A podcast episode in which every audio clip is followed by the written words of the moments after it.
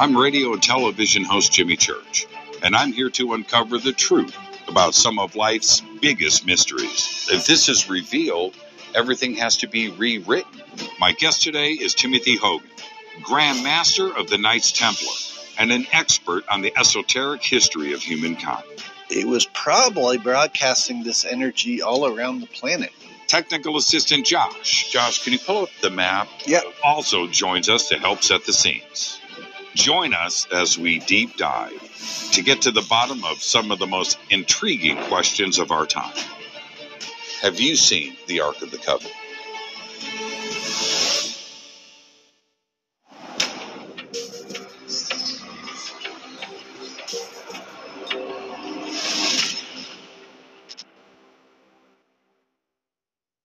Welcome to Into the Vortex. I'm your host, Jimmy Church, and today we're going to jump into one of the most controversial subjects for this community, which is the Knights Templar.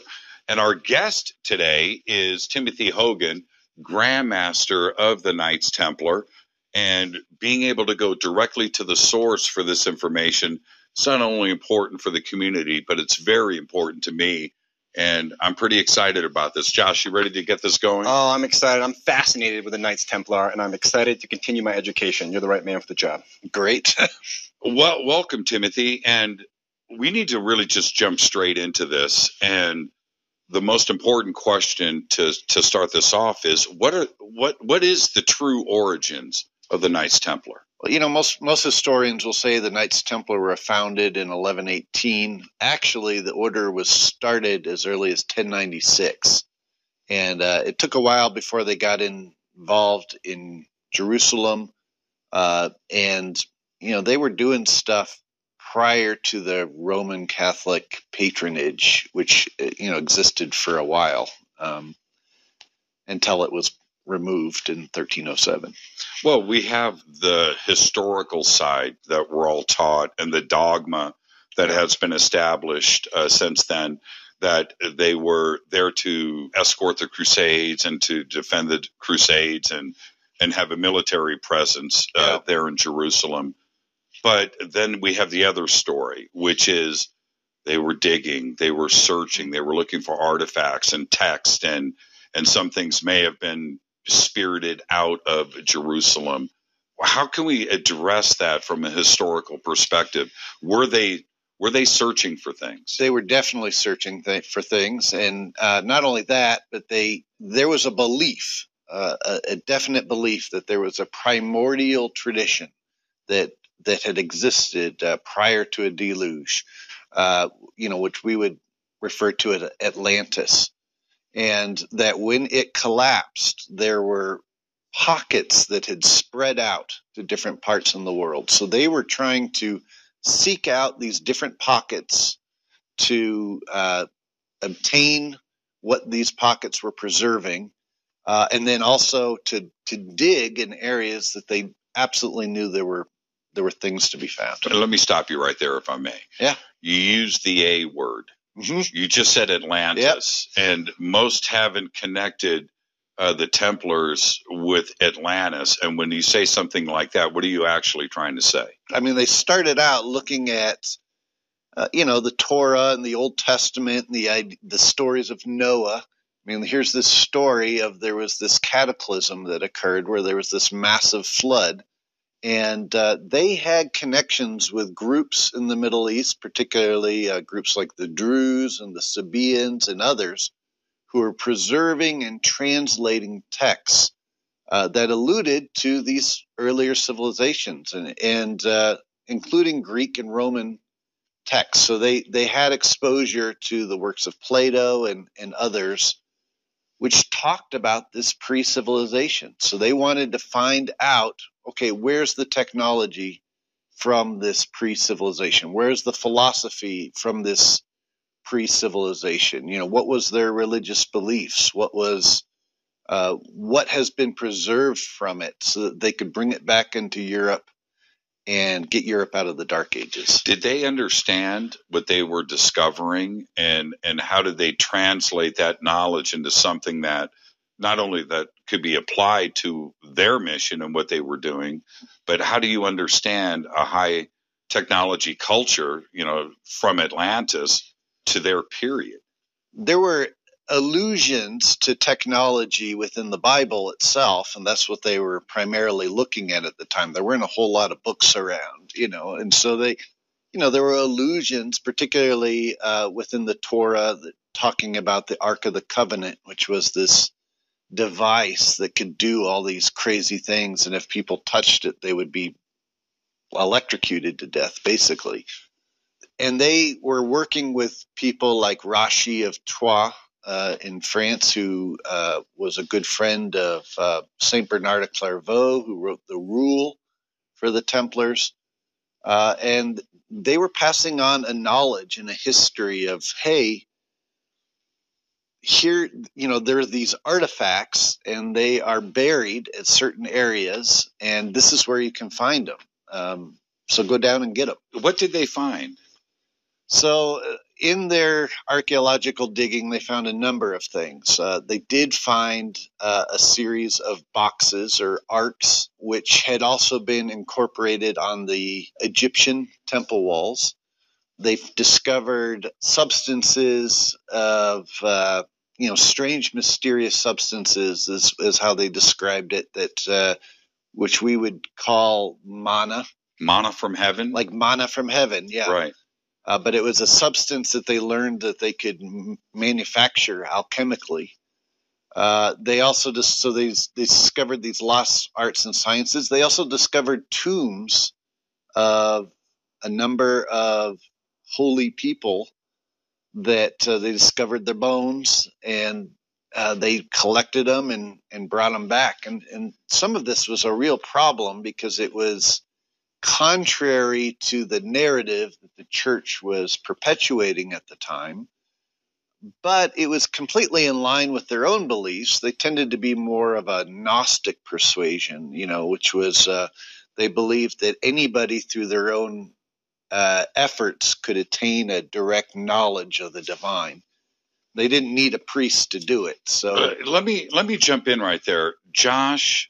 Um, uh, pull up the cartouche because people ask about evidence. You know, okay, yep. these are extraordinary claims, sure. but but how can you back this up? Yep. And I want you to look at this. This is from Egypt, and this I call this a cartouche, but this appears to be a, a cartouche with an ark represented there is this what I'm looking at? Yeah, that's right. It's an ark box and it's levitating off the ground. It should be pointed out. And the and that cartouche thing that you're talking about is actually a field. It's like an electric field that's around it that's attached to a uh, you know, it's like a rope that the that the uh, pharaoh on the left is holding to, to control it. This is an example of one of these boxes, and you can find them all over the place. This was this particular one was at Edfu, where there's the Edfu building texts that also talk about probably the most historic, important text on on planet Earth, uh, right there in Edfu. For sure. Um, here, the reason why I bring up the cartouche symbology is the Egyptians when they represented something inside of this shape, the cartouche shape. It, it suggests nobility, uh, it, it's it's related to the pharaoh. It's extremely important. Yeah. And so to have something like an ark uh, represented here, it's uh, it, it's huge to them. Yeah, it is my understanding, it's my belief, and certainly the belief of others that that what they were talking, they they discovered these boxes were basically like capacitors. They could build up large amounts of electricity uh, that would discharge, and if you didn't handle them properly, they would, you know, they could shock you to death. Do you think this is the Ark, the Ark of the Covenant? Well, according to our Templar tradition, there were actually multiple arks. okay. that were discovered. Let, let, Josh, yes, this next image that that Josh has, I think is extraordinary because this, I think, represents exactly what you're talking about. Yep. Because here, yeah. it, it looks like we've got four. Yeah, and this is at Dendera. Uh, yeah, there's four four arks there, and you can see they're issuing forth the electricity uh, out of the the tops of them. there were multiple arks, I think, that were being used around Egypt. Uh, certainly, one of them uh, ended up becoming the ark within the Hebrew tradition. Uh, some have even speculated that maybe the reason why the Pharaoh was even chasing Moses was because he had stolen one of these arks out of Egypt. And, and that's what he was really trying to get. So um, it, it's a, you know, but we find them on the temple walls all over the place. And usually associated with this ark, you also find these depictions of these these conical white cakes or these mounds of what would be manna, uh, described as manna in the Bible. I'm going to swing back to that. Yeah. Is it is it possible that these these arks or one of them made it out of Egypt and Jerusalem and back into Europe by the Knights Templar? Yeah, according to our records, uh, we actually recovered six arks that we brought back into Europe uh, via through Portugal, well, through Lebanon. Uh, there's a site called uh, the Tomb of Hiram, which you can find in Lebanon, and it's actually not a tomb at all. It was just a vault where these things were held it was there for a while before it would move to Portugal, and then from there up to uh, Scotland, and then from Scotland they were brought over here to the New World, to to the United States. So Yeah. there's a what was to possibility. become the United States. Yeah, Josh, if we found an Ark of the Covenant here in the United States, what would you say? My mind would be blown, and I wouldn't be able to stop talking about it for a long time. The fact that there's four arks is the first time I've ever heard that, and the fact that it could be around the world is super compelling and fascinating to me. Well, This would truly rewrite history. Yeah, for sure. Let's. Uh, I- want your reaction to this too, as well. Um, here, you brought up mana. Mhm. So here is a mana jar. Yeah, And now when we when we see something like this, again, I always go back to the evidence and the science that supports some of these discussions. Yeah. And what is going on here? what we have here at the bottom of this jar is this white uh, powder that's that's mana. It's it's the traditional mana, and you can see it's it's it kind of when it forms it it it forms as like this conical shape, this mound at the bottom of the jar, and this substance. Uh, beyond being something that's healing, it, it's also superconductive. So you can imagine if you consider the the stories of the ark, the ark was actually created to hold the manna, and then Solomon's temple was created to hold the ark. So the entire purpose for Solomon's temple was to hold this manna. You know, the the the manna went in the ark, the ark went in the temple, and this manna being a superconductive substance, when it was put inside the ark, the ark was basically like a capacitor An energy source an energy source. It just issued a tremendous amount of electricity. And this is the reason why nobody could touch it without dying. and this is a manufacturing process, and this is how this Yes, was done. and, and this is it. Yeah. Okay, so again, it's back to the evidence in, into deep history, and when we mention uh, the manufacturing of this uh, of the mana in the jar, there's uh, there's a cone shape at the bottom, but I think it's represented. Uh, Josh, if you could Yes. uh, pull up this image here. Strato heeft alles voor je website. Ben je schilder?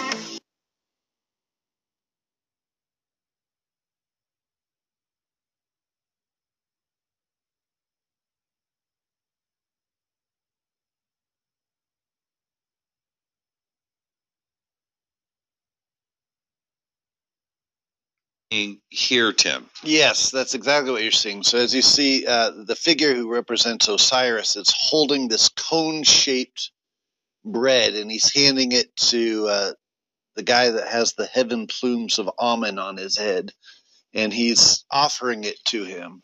And the reason why it's that cone-shaped is because that's how it forms when you when you go to make it.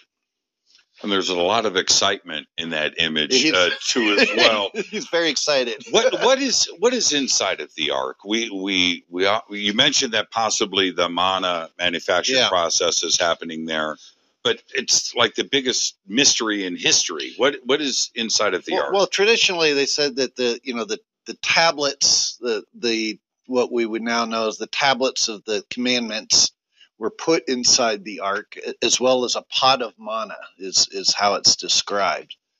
It should be pointed out that Moses had both the Ten Commandments and then he also had these tablets of testimony. And according to alchemical traditions, this tablet of testimony was actually this emerald tablet. Uh, and but these things were put inside of the ark. Um, from a power standpoint, that mana is really a superconductive substance. So when you put a superconductive substance inside a capacitor like the ark, it just causes it to produce an immense amount of electricity that it just broadcasts out. I've got a couple of other images here that to me represent a vessel. Mhm. I see a vessel here, Mhm. and we just looked at a mana jar, and I see the connection. Is is that what's happening? Yeah. So what we have here, so this is uh, this is at Amiens Cathedral. So one of the things that the Templars did when they came back to Europe is they were responsible for building the first cathedrals of France. And inside these cathedrals, they put all kinds of imagery. Most people think of just biblical scenes, but they also depicted alchemical processes uh, for manufacturing this mana. And this is one example of that. You see the figure holding, it's called an Athanor oven. It's an alchemical oven, and they're pulling a salamander out of the bottom of it.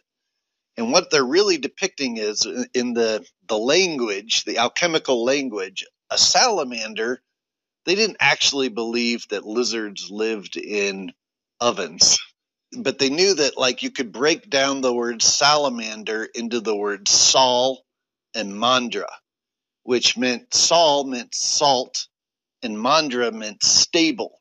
So what they were saying is you could extract the stable salts out of the oven after you've calcinated down all the other materials.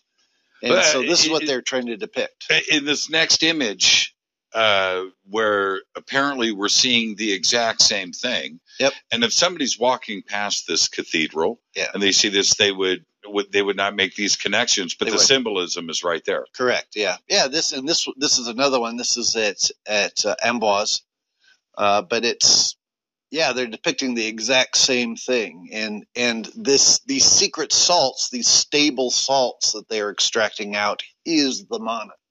This is the mana that that you know they have to calcinate down the the vegetable matter. In fact, for that matter, this is the whole reason why Moses witnessed God as a burning bush because you have to calcinate down the material uh, and then you can extract the mana out of it. And this is what's being depicted. So if I'm understanding correctly, so let's back up.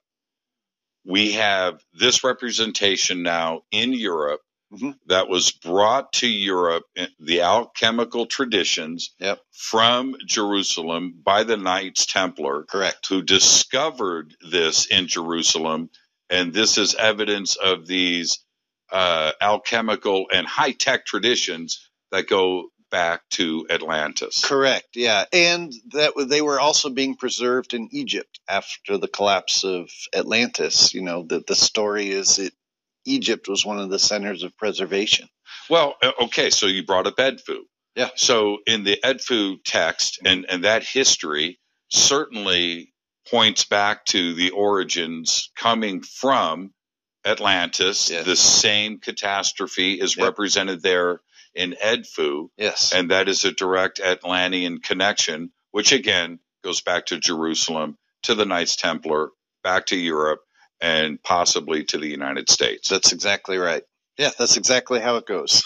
so Is there stuff here in the United States? there is uh, there are there are vaults here in the United States that had been brought over as early as the 1200s. Is when um, the Templars they they would leave their port in La Rochelle in France and in Portugal, and they would bring this stuff you know, over here to the new land. They they had the entire North America mapped by the uh, 1350s, and uh, but they had been coming over here since the 1200s. Why North America? Uh, to keep things safe, I would think. Yeah, they were trying to create a new Jerusalem. Uh, they recognized that Europe was completely controlled and dominated by uh, between the Roman Church and the monarchies. Uh, they were controlling everything, and people had no freedoms, no freedom of thought, no freedom of religion, no freedom of assembly. All the things that we take for granted now as Americans, they didn't have those things. So they came to the New World, they established connections with the natives here, and they uh, brought these artifacts over, and then they set up a new system so that these things could be preserved. Will this eventually be revealed? Yes.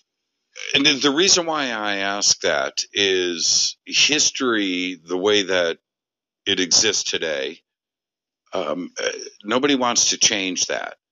And the reveal of the Knights Templar, understanding, occupying, mapping, and and spiriting artifacts and important relics into the United States and stashing them Yeah, in these vaults. If this is revealed, everything has to be rewritten. that's true. Yeah, but it's the it's the history. I mean, uh, you know, there were things, and, and especially uh, I know you've you've talked with Scott Wolter before, you know, but his work with the Kensington Runestone that that runestone was a land claim for North America that was created and it was placed right in the center of North America because they had already mapped the entire continent. And the connection with the natives that were here, uh, there are still certain tribes that continue to preserve and protect these vaults uh, here in the United States. Now, you're the Grand Master of the Knights Templar. Yes. Uh, that's a pretty important position, right? The traditions today inside of the Knights Templar are they the same traditions uh, from the 1300s? They are. We don't pay any allegiance to the Roman Church anymore. We started out independent of the Roman Church. We had a had a a brief period of time of patronage with the Roman Church, uh, and then the Roman Church, with along with the King of France, suppressed the Templar Order in 1307, uh, and that didn't go too well for for seven years. There was a lot of torture and and burning at the stake. So Friday the 13th. Friday the Thirteenth. That was the origin of that. At the core of, of of what we are, we've always been dedicated to preserving this tradition, and uh, you know we've had to adapt to the, the cultures and the habits of, of the different countries that we've lived and the and the religious philosophies of the different countries that we uh, have done work in.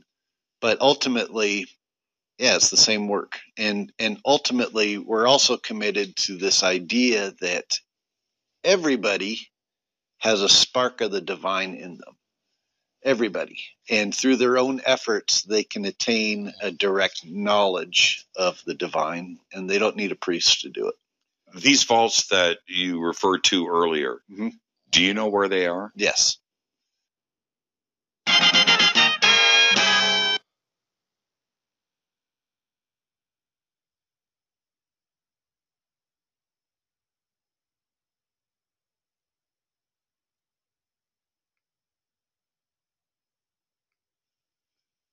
Would you tell me now? I can't tell you right now. the importance of that because when somebody hears that they go okay well this would change things why not why not speak about this now and let's let's take a film crew in and and see what's going on I think we're building up to that. We had to make people aware of, of some of the origins of some of this stuff first. And one of the biggest challenges we're going to face once we do reveal it is, you know, you're going to have a number of different countries that are going to try to claim these things for themselves. And we got to get to the point where we're past all that.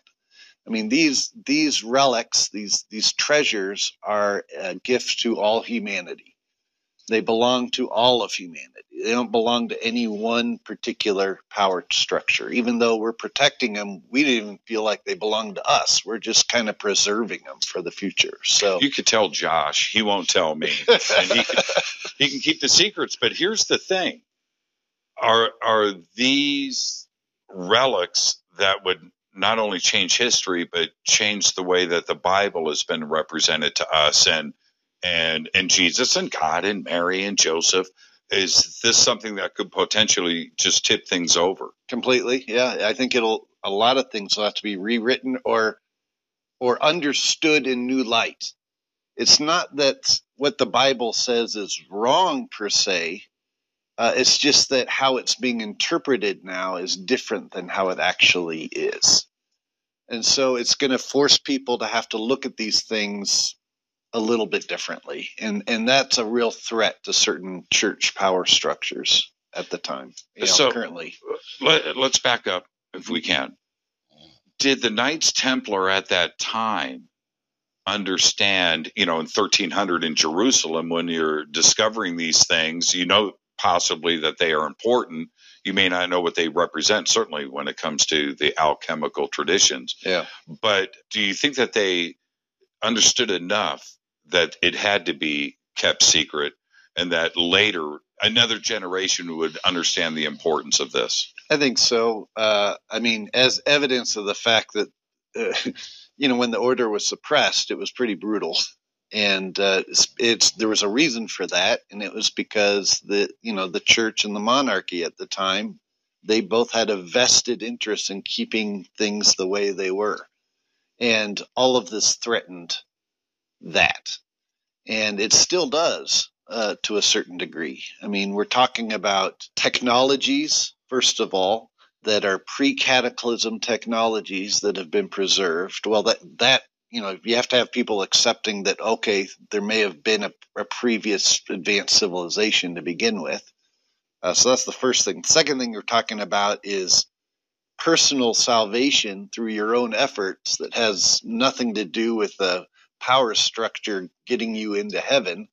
So that's a change Right. of, of thoughts for people. You know, another thing too that was right along with this is uh, Templars have always sought to preserve the rights of individuals to have the freedom to explore these things. In fact, um, one of the earliest medieval texts was a book called uh, Parzival by Wolfram von Eschenbach, which is a, the, one of the first Grail stories, and it was written in the 1200s. In it, it says the Templars are in charge of guarding the Grail. And it also says, when the Grail appears in the text, it says, if any Templar should become a ruler of a foreign people, let him ensure that they are given their God given rights. Well, this is the first time in history it's ever suggested that people have God given rights and that, uh, you know, because prior to this, people thought your rights came from the church or from the king. And this is saying, no, your church comes from a divinity that transcends all that. And, uh, you know, this is something we still stand for. And, you know, if you're a power structure trying to control people, that's a problem. Can, can Wait, we before, stay? before you move on quickly, I just have to. I need an example of a pre-cataclysmic technology. That was a fascinating line. Yeah. So, well, well, these arks were pre-cataclysmic technologies. I mean, ultimately, I think their purpose is to broadcast electricity, much like the works of uh, Nikola Tesla when he was when he created his Wardenclyffe Tower, where to to to broadcast electricity around the planet. This is what these arks do. They broadcast electromagnetic lines of force around the planet to these sacred areas. And, you know, that's a problem too if you're trying to put a meter on having people pay for electricity. So, when we talk about the ark and what may be inside of it, it's the dimensions of the ark too that I'm very curious about. And there, I think there is some pretty successful research into it may fit exactly into the box. Some call it a sarcophagus, uh, the box inside of the king's chamber, yes, inside of the Great Pyramid. Coincidence? I think that is absolutely 100% right on. I mean, the, the, the Great Pyramid itself is, is generates static electricity. If you were to stand on top of the, the Great Pyramid with a bottle, with a, a glass bottle with a wet rag on it and hold it up, sparks would start shooting off of the, the bottle from the, uh, just from the natural, you know, conductivity of how the electricity builds up from the desert. So if you then stuck an ark in the center of it, in that king's chamber, uh, with a superconductive substance in it, it's just going to broadcast a tremendous amount of electricity within the area. And I think that's exactly what they were doing. With all of this energy, the the depictions of what is created with the Ark of the Covenant. You have to wear body armor to carry it. Yeah, you yeah. can't look at it directly. Your life is going to change if you do. Uh, with the concentration of this kind of energy inside of the Great Pyramid, uh, it could have done a multitude of things. It's, it wasn't just one specific thing, was it? No, I, I think it was used for a lot of different things, but it was definitely broadcasting electricity out. And I think this electricity was being harnessed at the different temples in the region. In fact, if you look at most of these temples, they have uh, stones with what are known as butterfly clips around the periphery of them. And these butterfly clips, we know that used to have metal in them.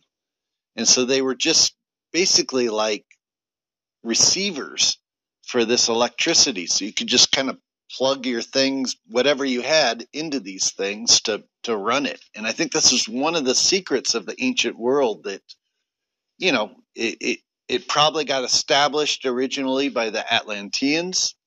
That's at least that's what history suggests, uh, or myth, you could say. Uh, and then you know as things declined uh, it just kind of fell apart and then people started stealing the butterfly clips for the metal or whatever and staying on this because the the bronze, the copper, whatever metal they were using uh, to uh, bind these stones together certainly suggest a, a large megalithic circuit board, i Mhm. if you will. But if you have multiple arks clearly represented by the Egyptians, yep uh, were these power sources for these different temple complexes and possibly other pyramids throughout Egypt? I think so and if we also consider that the great pyramid itself is in the exact center of the uh, land masses of the world Right.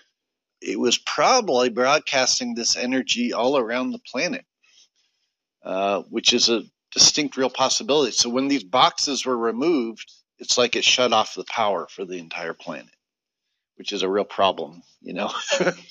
if if you're using that for your your your little power base, your control. All of that is great. Have you seen the Ark of the Covenant? Yeah, I've seen one of the arks. We we currently within the Templars we have six arks in our possession. Uh, we are aware of potentially four other ones. That's ten total, uh, but we we're still trying to get to them at this time. Can you tell us where you saw that ark? Yeah, I saw it here in the United States. Really? Yeah. Did you wear body armor? No, because it wasn't activated. Right. Uh, Were you worried about that though? Well, so part of the part of what came with the ark was these rods. It is actually referred to as Aaron's rod in the Bible.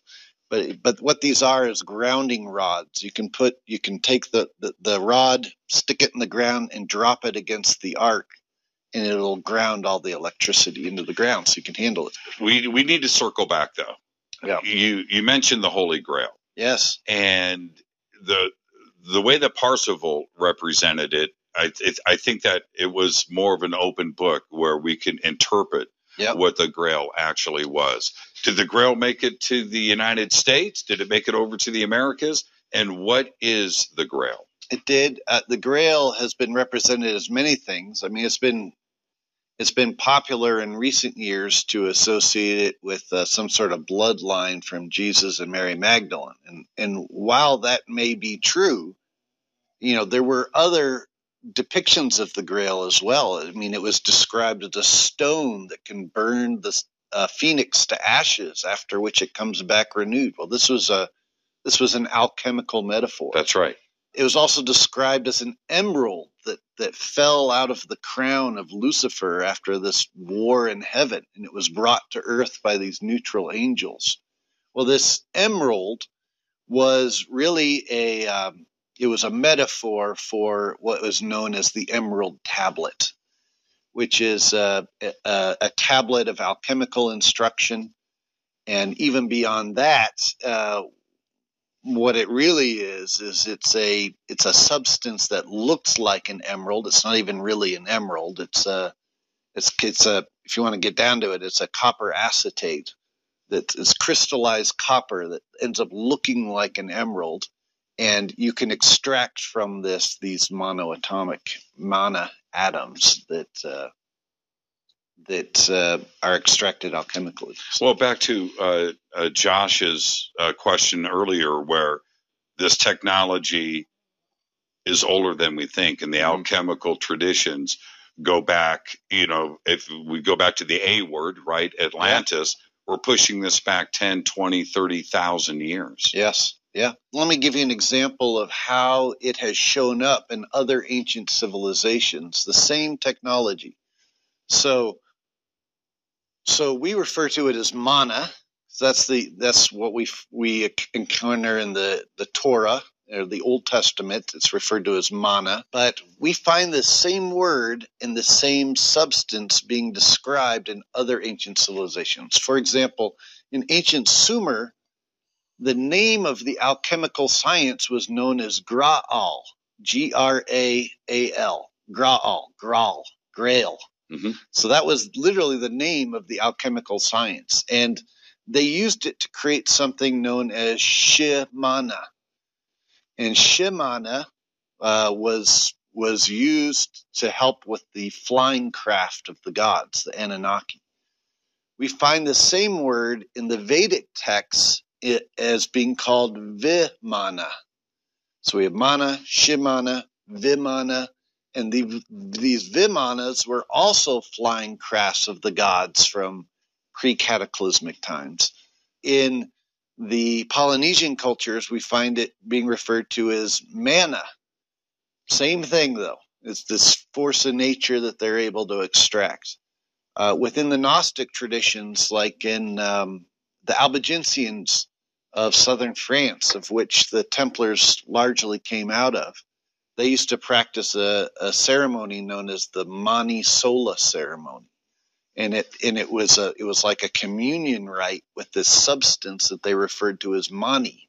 Well, this mani is the same thing as the mana, uh, which is the same thing as the shimana and the vimana, and uh, we also find it in um, you know a number of other places. So it's it's all these ancient traditions were preserving the same thing, the same science from ancient times, and it tied in directly to these arks, and uh, and this is one of the things that the Knights Templar got hold of.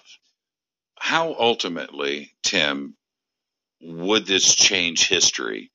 And if it did, and it should, for those out there that don't want this history changed, what kind of fight would you know? There's going to be some oppression, uh, you know, from the other side.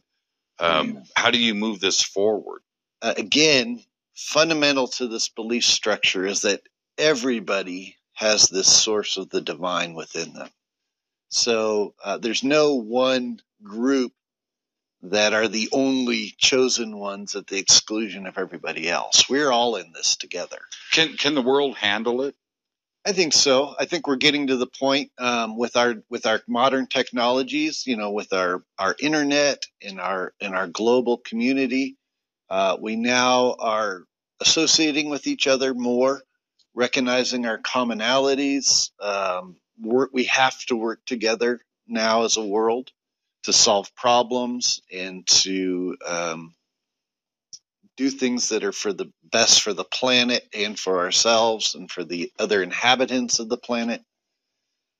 And ultimately, I think uh, we have a destiny beyond this planet that we're getting to. And I think all of this ancient technology that we're sitting on and these ancient philosophies are all geared towards helping us go that direction. Does this conversation today? Uh, do I earn a pin? I will definitely give you a pin after we're done. Thank you so much. I look forward uh, to everything that is about to be revealed, and these are exciting times, and I, I think we're ready for it. You ready for it, John? I'm ready. I'm ready. This is Into the Vortex. I'm your host, Jimmy Church, Timothy Hogan, and